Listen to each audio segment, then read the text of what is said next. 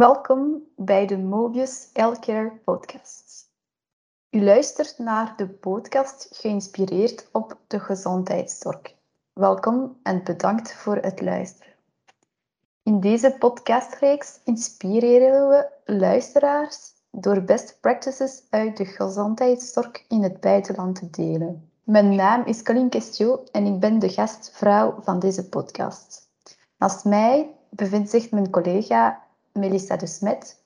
Kunt u uw positie bij Möbius omschrijven? Dag Colleen. Um, ik werk bij Möbius sinds uh, eh, 2018, ongeveer drie jaar nu. En ik werk daar als healthcare consultant. Dus eigenlijk doe ik enkel projecten binnen de gezondheidszorg. En heel specifiek gaat mijn interesse uit naar uh, de eerste lijns gezondheidszorg. Maar uh, vandaag ben ik hier om met uh, jullie te praten over digitale patiëntenervaringen. In de komende minuten van deze podcast gaan we verschillende zaken uh, rond dit topic behandelen. Eerst gaan we een korte inleiding geven over patiëntenervaringen om ons zo in de juiste context te plaatsen. We gaan het hebben over wat is patiëntenervaringen, waarom zijn we hier zo geïnteresseerd in en wat bedoelen we nu heel specifiek met digitaal. Vervolgens gaan we ook enkele praktijkgevallen van digitale patiëntenervaringen bespreken die ons in het buitenland inspireren.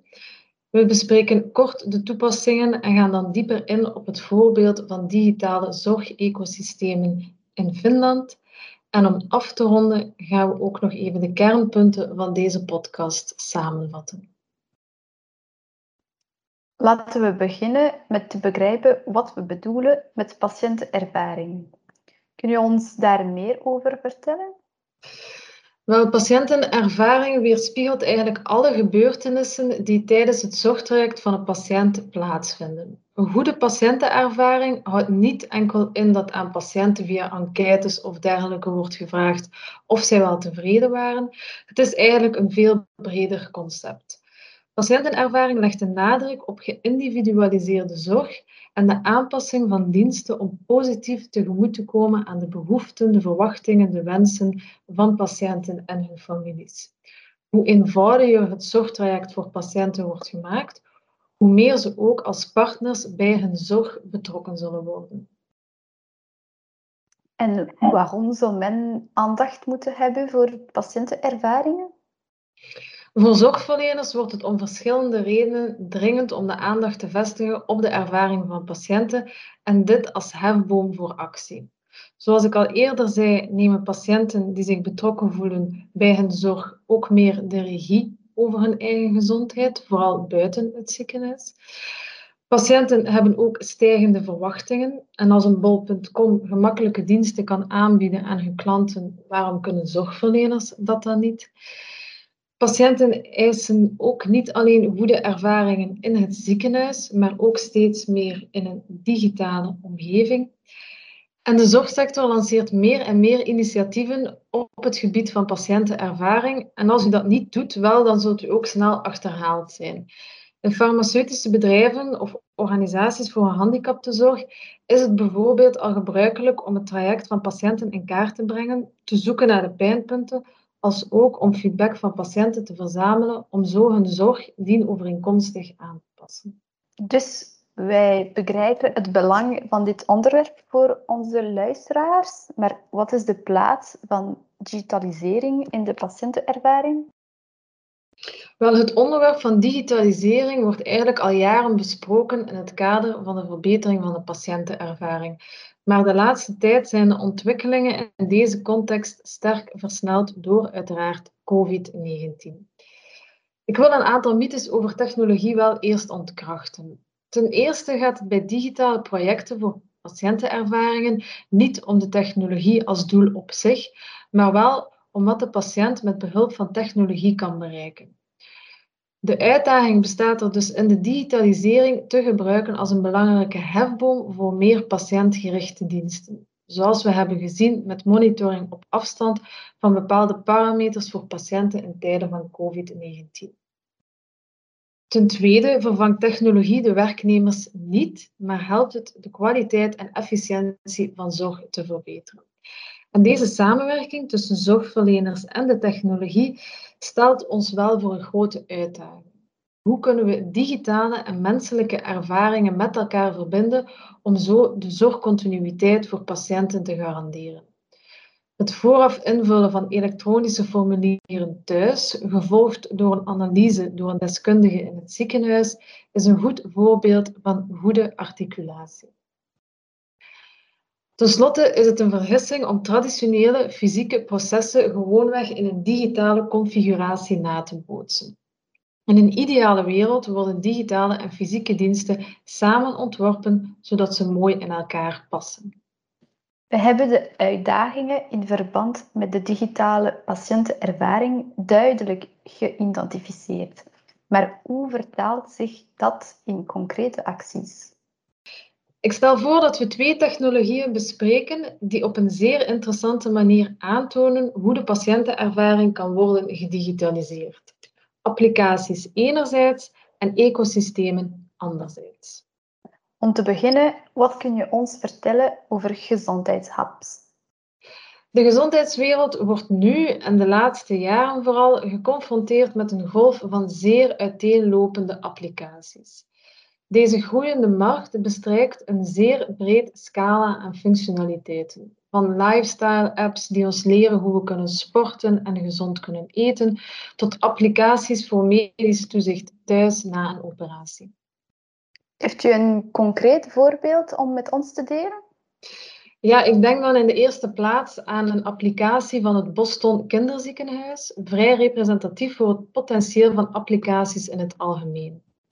Het doel van de ontwerpers van deze applicatie was om de stress van ziekenhuisbezoeken voor kinderen en hun families te verminderen door middel van artificiële intelligentie. En het project bestond eigenlijk uit twee onderdelen. Ten eerste een chatbot, dat wil zeggen een virtuele assistent die onmiddellijk vragen van de gezinnen en kinderen kon beantwoorden, maar ook om ze bijvoorbeeld op verzoek een mop te vertellen om ze zo te ontstressen. Het andere deel van de toepassingen omvat verschillende functies om de ervaring van patiënten en hun families tijdens het zorgtraject te verbeteren, waaronder online inschrijvingsformulieren, woordenafspraken om de wachttijden te verkorten, meldingen om patiënten en hun families te herinneren aan geplande ziekenhuisafspraken, een digitale parkeerkaart om parkeren te vereenvoudigen, een interactieve navigatiekaart van de ziekenhuiscampus, een spelletje om de kinderen te vermaken tijdens de wachttijden en het in real-time volgen van de operatie van een kind, zodat ouders hun tijd beter kunnen besteden, zoals wandelen, zonder zich zorgen te hoeven maken dat zij er niet zullen zijn wanneer hun kind uit de operatiekamer komt. Uiteindelijk heeft technologie door middel van apps geholpen om de gebeurtenissen en irritaties in het zorgtraject te reduceren en om zo ook beter tegemoet te komen aan de individuele behoeften van de patiënt en de familie. De ervaring van de patiënt is aanzienlijk verbeterd doordat de ouders zich konden concentreren op wat het belangrijkste is: het welzijn en de zorg van hun kind. Dank u voor dit inspirerende voorbeeld van een app die de ervaring van de patiënt vergemakkelijkt door digitaal te werken. Je trok mijn aandacht door te praten over een chatbot. Kun je daar wat meer over vertellen? Het is belangrijk te weten dat chatbots een enorm potentieel hebben om de gezondheidszorg opnieuw uit te vinden. En ik zou hier nog wel even over kunnen doorpraten. Maar als onze luisteraars geïnteresseerd zijn in dit onderwerp, stel ik voor dat ze de inspiratieblog downloaden die beschikbaar is op onze website möbius.eu. Geweldig idee. Dus nu we de wereld van apps hebben verkend, dacht ik dat jij een, het wilde hebben over een tweede deel. Ja, absoluut. De ecosystemen. In feite zijn de meeste digitaliseringsinitiatieven in de gezondheidszorg, waaronder ook de apps, gericht op een specifiek klinisch gebied of een specifieke patiëntengroep, waardoor ze moeilijk op te schalen zijn en eigenlijk ook moeilijk te integreren zijn in een alomvattend zorgaanbod. Platforms voor toegang tot ecosystemen gaan deze uitdagingen aan. Zij worden front-door ecosystems genoemd en vormen de toegangspoorten tot een echt gezondheidsecosysteem en hebben drie grote voordelen. In de eerste plaats klantgerichtheid. Een voordeur, als het ware, biedt patiënten een naadloos digitaal kanaal om toegang te krijgen tot diensten, bijvoorbeeld een arts vinden, toegang tot dossiers, persoonlijke virtuele bezoekenplannen, eerste digitale oriëntatie van de patiënt enzovoort. Een tweede voordeel is geïntegreerd. Deze geïntegreerde digitale zorgplatforms brengen informatie van het ziekenhuis, huisartsen, thuiszorgverleners, apothekers enzovoort samen. En een derde voordeel is multi-channel. Deze platforms bieden immers een mix van kanalen, messaging, e-mails, portals enzovoort aan de patiënten. Ik ben hier echt door geïntrigeerd. Heb je ons een concreet voorbeeld te geven? Van alle ecosystemen heb ik gekozen om ons te inspireren met de hulp van het Finse Health Village, dat eigenlijk een ecosysteem is op de schaal van het ziekenhuis van Helsinki. Nu, wat zijn de kenmerken van dit ziekenhuis? Wel, het ziekenhuis van Helsinki verleent ongeveer een derde van alle gespecialiseerde zorg in Finland en heeft meer dan 3 miljoen patiëntenbezoeken voor in totaal ongeveer 700.000 patiënten. Het ziekenhuis heeft 2800 bedden en is de op één na grootste werkgever van het land. En wat is precies nu het gezondheidsdorp of het Health Village concept? Wel, het is een digitaal platform dat ten eerste openbare gezondheidsdiensten omvat die toegankelijk zijn voor het grote publiek. Iedereen heeft toegang tot uitgebreide bibliotheken met informatie over de gezondheidszorg, geschreven door gezondheidswerkers, collegiaal getoetst en geformuleerd zonder medisch jargon. Andere diensten zijn chatbots, eerste doorverwijzing voor acute zorg, real-time status van wachtrijen voor acute zorg en een dienstengids. Ten tweede is het een digitaal platform dat meer dan 100 digitale zorgpaden voor patiënten met specifieke diagnoses heeft. De digitale zorg wordt verleend naast de traditionele fysieke kliniekbezoeken en onderzoeken. En ten derde is het een digitaal platform dat digitale gidsen en online opleidingen voor gezondheidswerkers aanbiedt om zo de werkmethoden te verbeteren. Persoonlijk denk ik dat deze derde component of dit derde voordeel een belangrijke factor is voor het welslagen van dit digitaliseringsproject. Waarom? Omdat het de dienstverleners ook omvat. De nadruk ligt op de werknemerservaring en de moeilijkheden voor het personeel om nieuwe digitale instrumenten aan bestaande processen aan te passen of omgekeerd. En elke technologie is nutteloos als ze niet wordt aanvaard door de gebruikers. Dus is het zeer slim om de medewerkers van bij het begin te integreren. Al deze drie aspecten klinken mij zeer interessant in de oren, maar in deze podcast richten we ons op de ervaring van de patiënt, toch? Ja, dat is het wel. Laten we deze digitale zorgpaden eens nader bekijken. En om te beginnen, laten we onderzoeken hoe deze paden zijn ontworpen. Elke zorgpad voor een behandeling van hoofdpijn, astma, thuisdialyse, palliatieve zorg enzovoort, wordt ontwikkeld door tientallen mensen. Van de financiële medewerkers via de arts, de planningsverantwoordelijke, de informaticus, de verpleegkundige tot de patiënt zelf. Eerst wordt het zorgtraject van de patiënt in kaart gebracht, met alle contactpunten en activiteiten voor de patiënt en de werknemers. Vervolgens wordt het traject gestandaardiseerd, bijvoorbeeld door checklist, automatisering enzovoort, als ook verbeterd. Bijvoorbeeld, men zou kunnen vragen, is het de taak van een verpleegkundige om de afspraak voor de patiënt te maken? Nee, dan kan deze stap gedigitaliseerd worden. Aan de andere kant is het echt de taak van een verpleegkundige om de patiënt tijdens het hele proces te ondersteunen, ja, dan zijn digitale en fysieke diensten ontworpen om hand in hand te gaan. Over het geheel genomen levert deze stap de verbetering van het hybride proces een positief resultaat op, omdat het werk van de professionals meer betekenis krijgt. In een derde fase, na het in kaart brengen en verbeteren van patiëntentrajecten, worden de kosten berekend voor een efficiënt gebruik van de middelen. En hebt u een voorbeeld van een Fins digitaal zorgpad om het wat concreter te maken?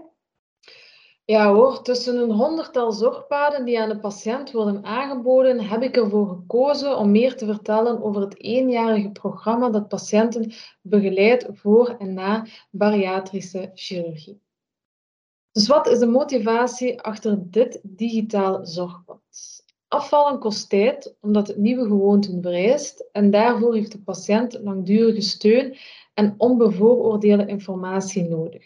Dus geen informatie die je op Google zal vinden. Het digitale traject van het Helsinki ziekenhuis beantwoordt aan deze behoefte en omvat ten eerste informatie over de voorbereiding en het herstel na de operatie. Patiënten kunnen deze informatie in hun eigen tempo lezen op een tijdstip dat hen het beste uitkomt. Zij voelen zich vaak gerustgesteld over de operatie en het herstel verloopt sneller.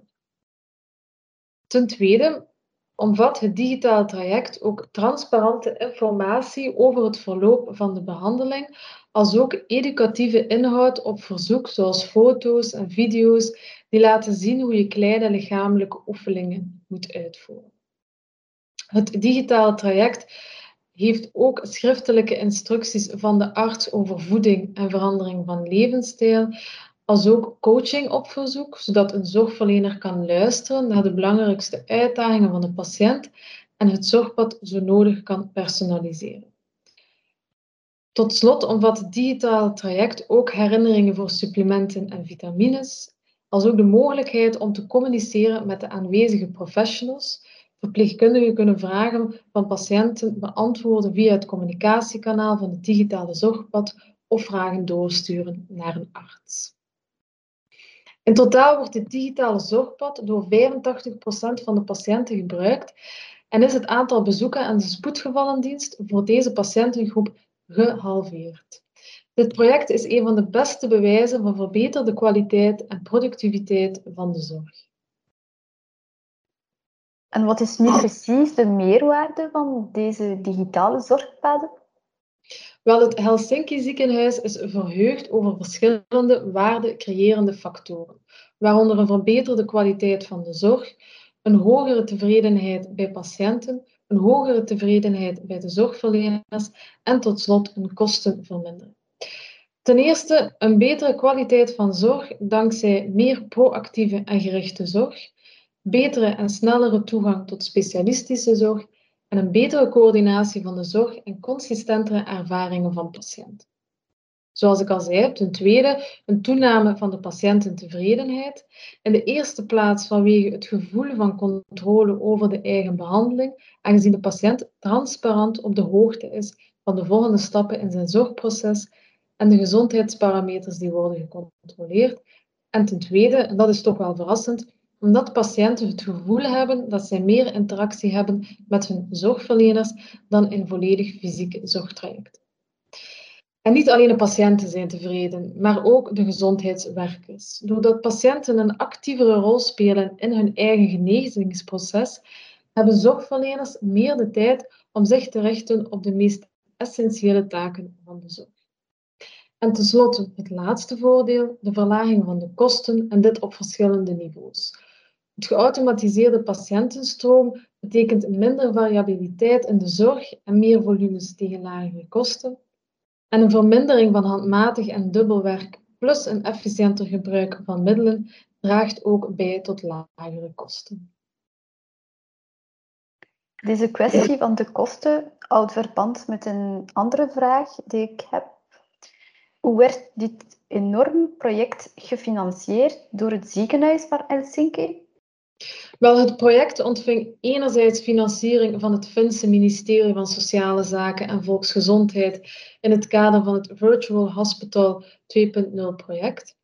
Maar vanaf het begin van het project maakten de kosten-batenanalyses voor elke zorgeenheid integraal deel uit van de business case voor dit project.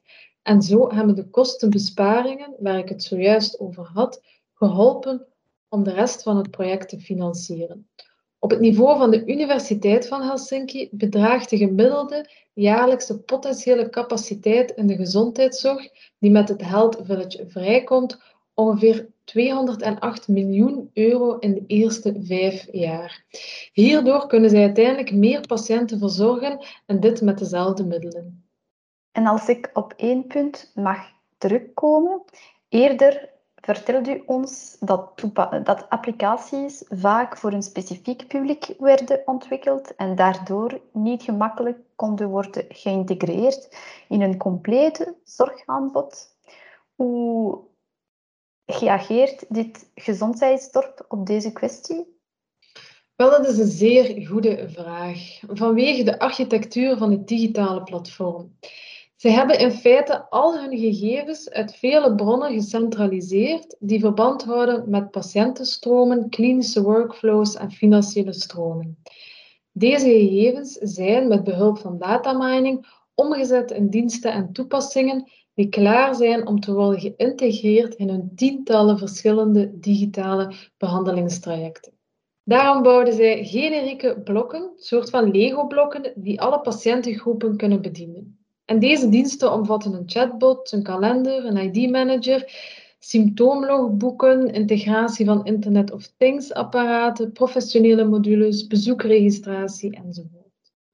En dit alles kan steeds opnieuw worden gebruikt, waardoor deze ecostads veel meer geïntegreerde en duurzame oplossingen zijn dan de soms te versnipperde applicaties die er op vandaag zijn.